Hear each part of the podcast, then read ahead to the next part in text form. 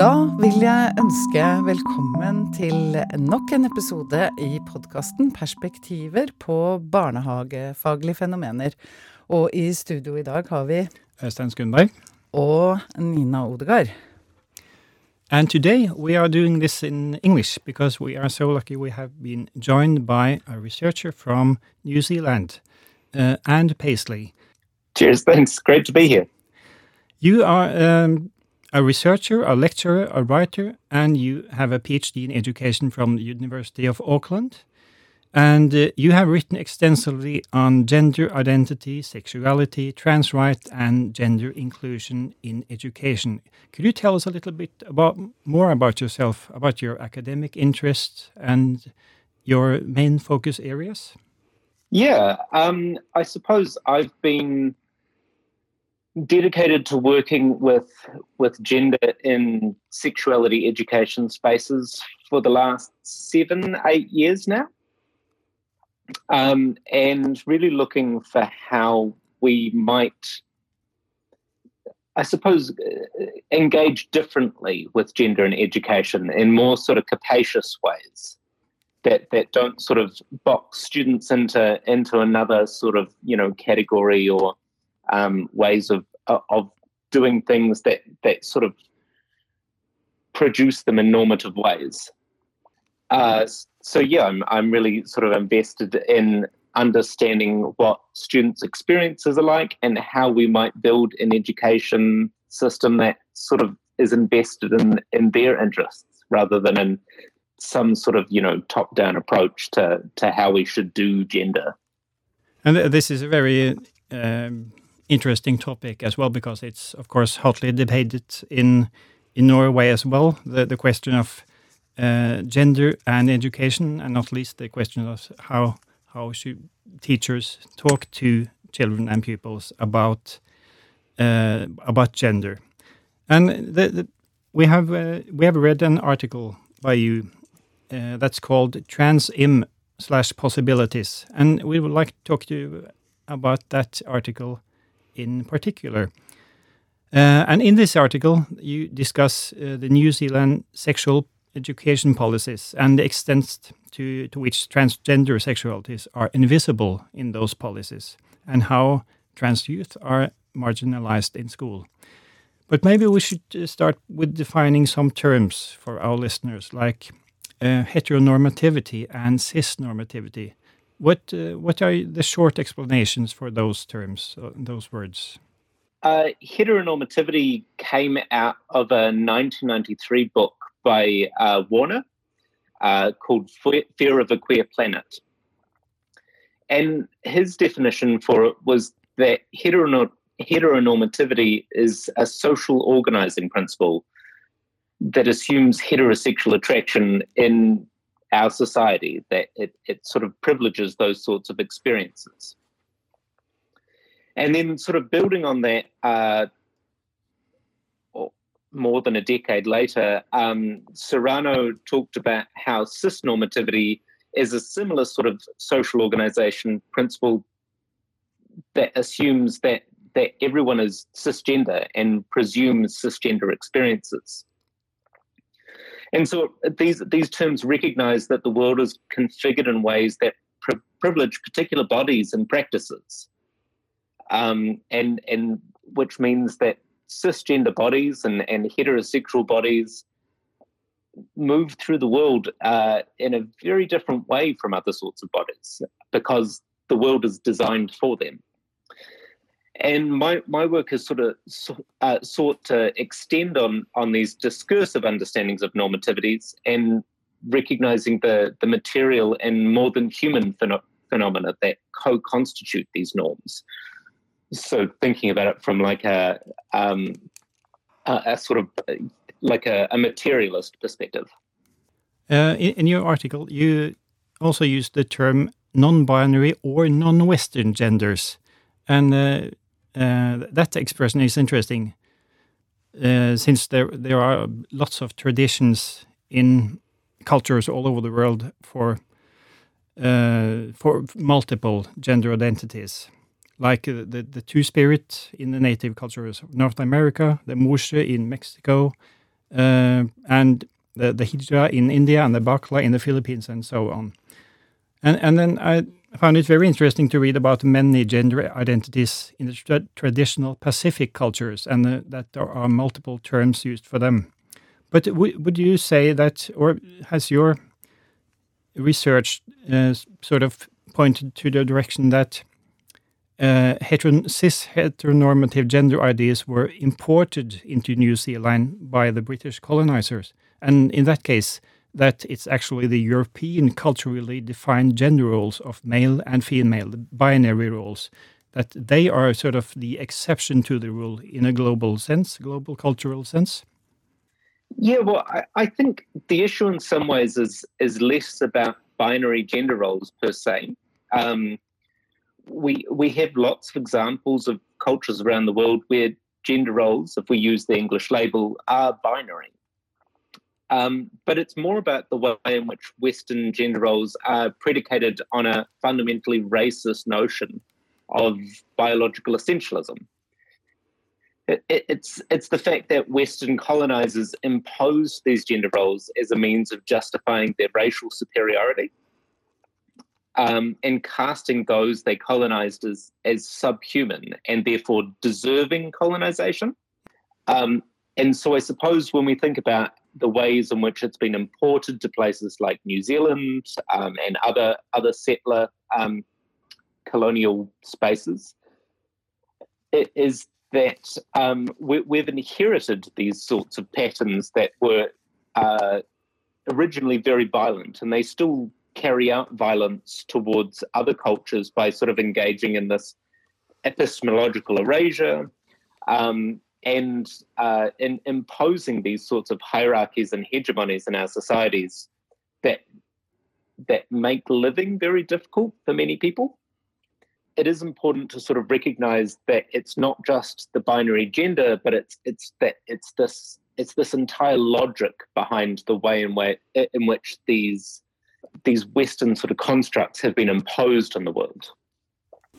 Yeah. So. Uh you you write uh, your article that we're talking about now. Uh, it deals with the subject of sexuality education for young people, and that that implies sort of an official attitude towards sexuality that is sort of in, imposed upon people in school and uh, that uh, contains of warnings and uh, advice and rules guidelines and uh, like in in in Norway, and as in most Western countries, sexuality education for young people used to be mostly warnings about masturbation, warnings about uh, venereal diseases and everything. But of course, uh, in Norway, as in many other countries, many things have changed in that respect over the last 75 years.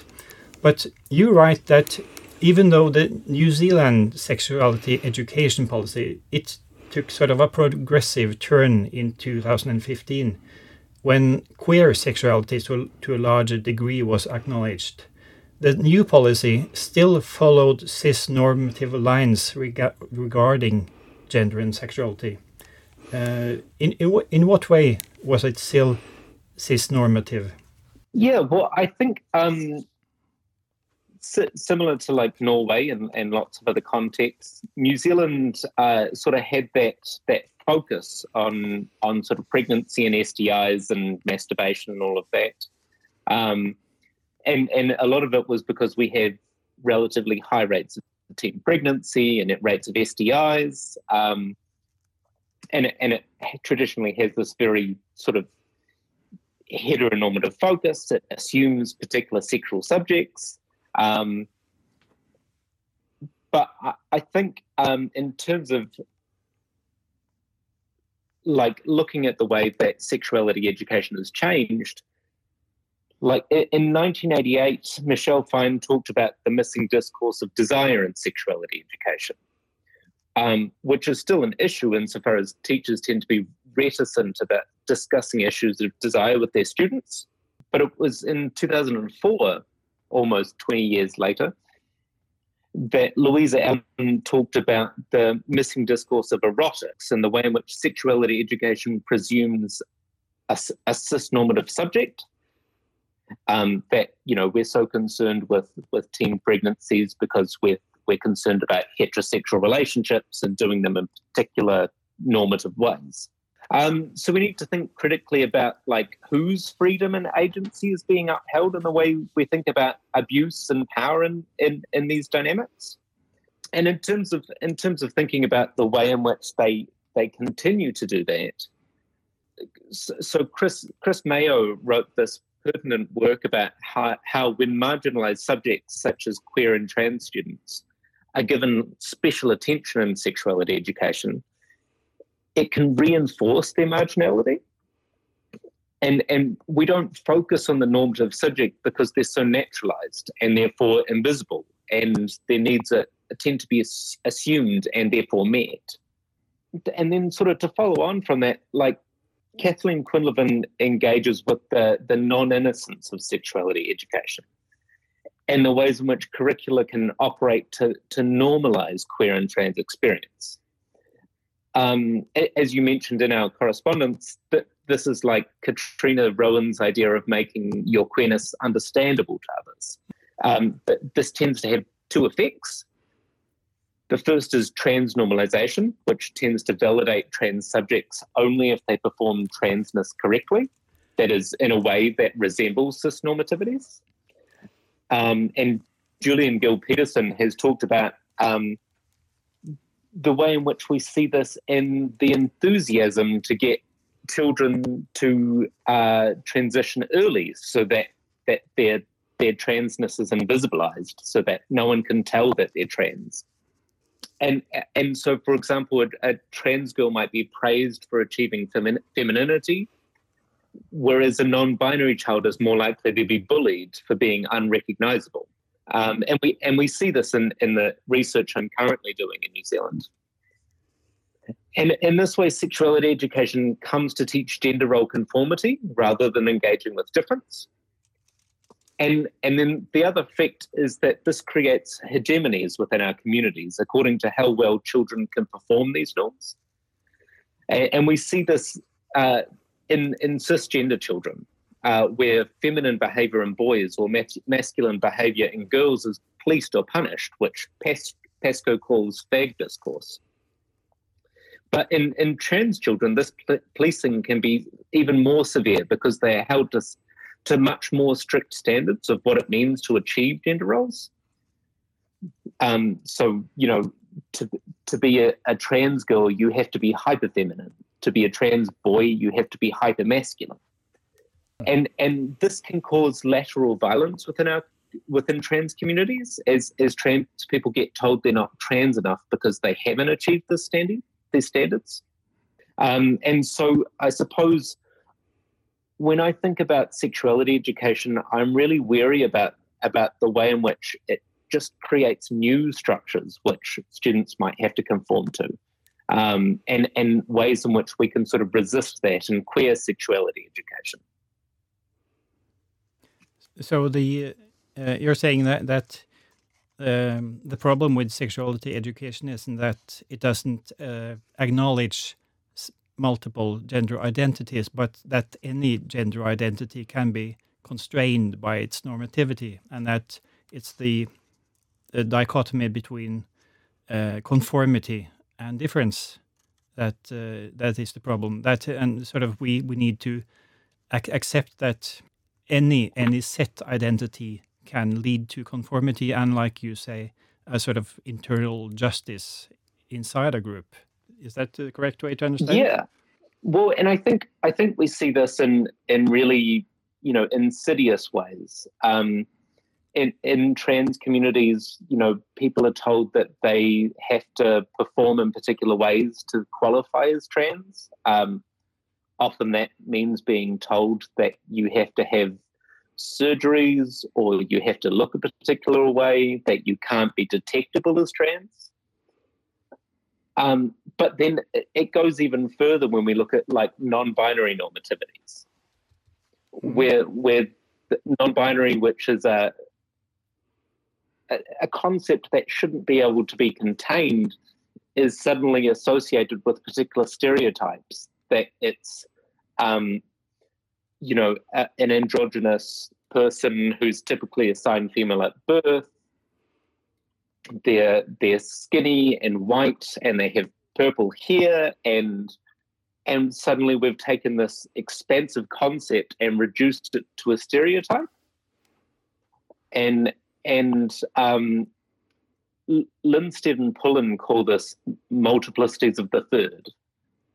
Hmm. The way in which it, it, inclusion becomes this um, this addition of of initials onto the you know the LGBTQIA plus initialism, but each of these initials end up being reduced to a to an essentialization um, that that creates you know striation within our communities um, and and tells people that they're not performing whatever identity they're doing well enough.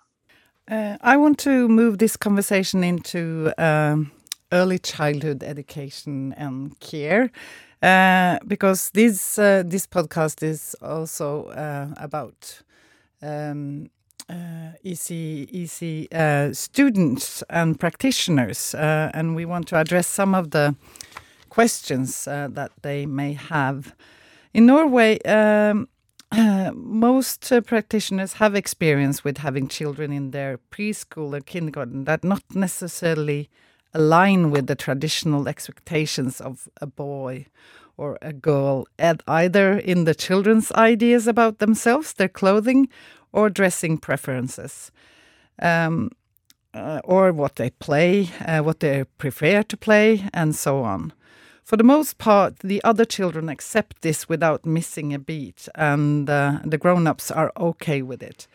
But some practitioners and parents feel that these things are just a phase, that the children are playing dress up, and that any question of gender identity lies far into the future. In other words, that one should neither encourage or discourage this in small children and wait it out in a way. What are your thoughts about that line of thinking? Well, I, I suppose I'd start with the fact that we know from research that children basically begin to understand themselves in relation to gender norms um, and masculinities and femininities and behaviors and performances around the age of three or four. Um, so I think I think we need to get away from this idea that cisgender young people are allowed to understand themselves, um, but transgender young children aren't. Uh, but I think, I think sort of the thing for, for most children, regardless of whether they are cis or trans or binary or non-binary, the reason they stop doing these sorts of activities that you know that fundamentally bring them joy that they're fun and, and exciting is because they learn that at a certain point they will be punished for continuing to violate gender norms in these ways and in in some ways non-interference makes sense during these periods where, where children are free to be themselves. But perhaps teachers should be asking themselves how they could contribute to a world where children don't have to reduce themselves for the sake of others. For example, like how might participation in these activities show children that their teachers are still able to relish these freedoms?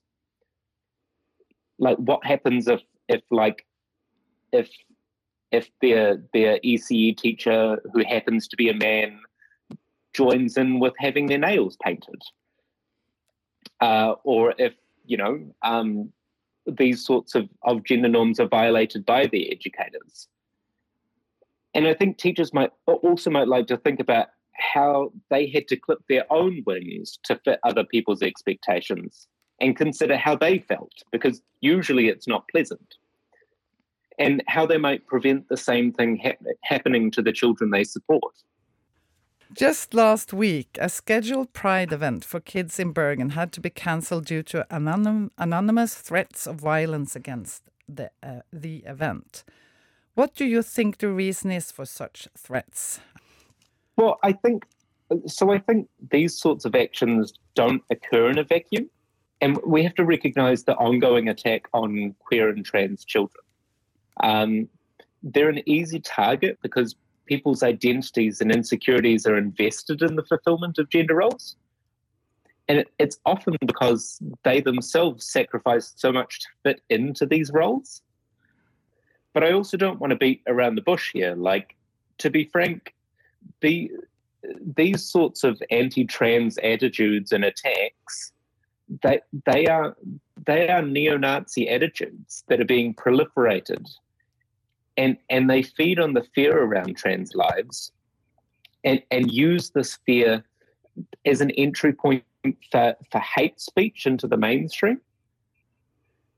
Um, I, I'm I'm really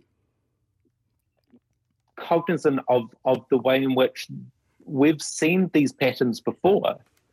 Um, we we know that this sort of anti-trans violence has been part of sort of fascist discourse in the past.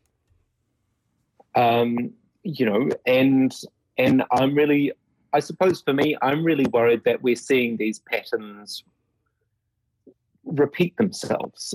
Um, you know, uh, we, we we know that in the 1930s, you know, Hitler's Lebensunwertes, Leben policies, classified queer and trans people as as being people whose lives were not worth living. And I think we're seeing these patterns repeat. And and the fact that we take advantage of, of parents' worries about their children I think it I think it shows this this really um, th- this strategy to sort of to get people on board this sort of this sort of hate speech. But but when I when I look at discussions around these issues, I I think we have to start with the basics, w- which are that often parents' fears uh, that their children will be turned queer or trans by these discussions.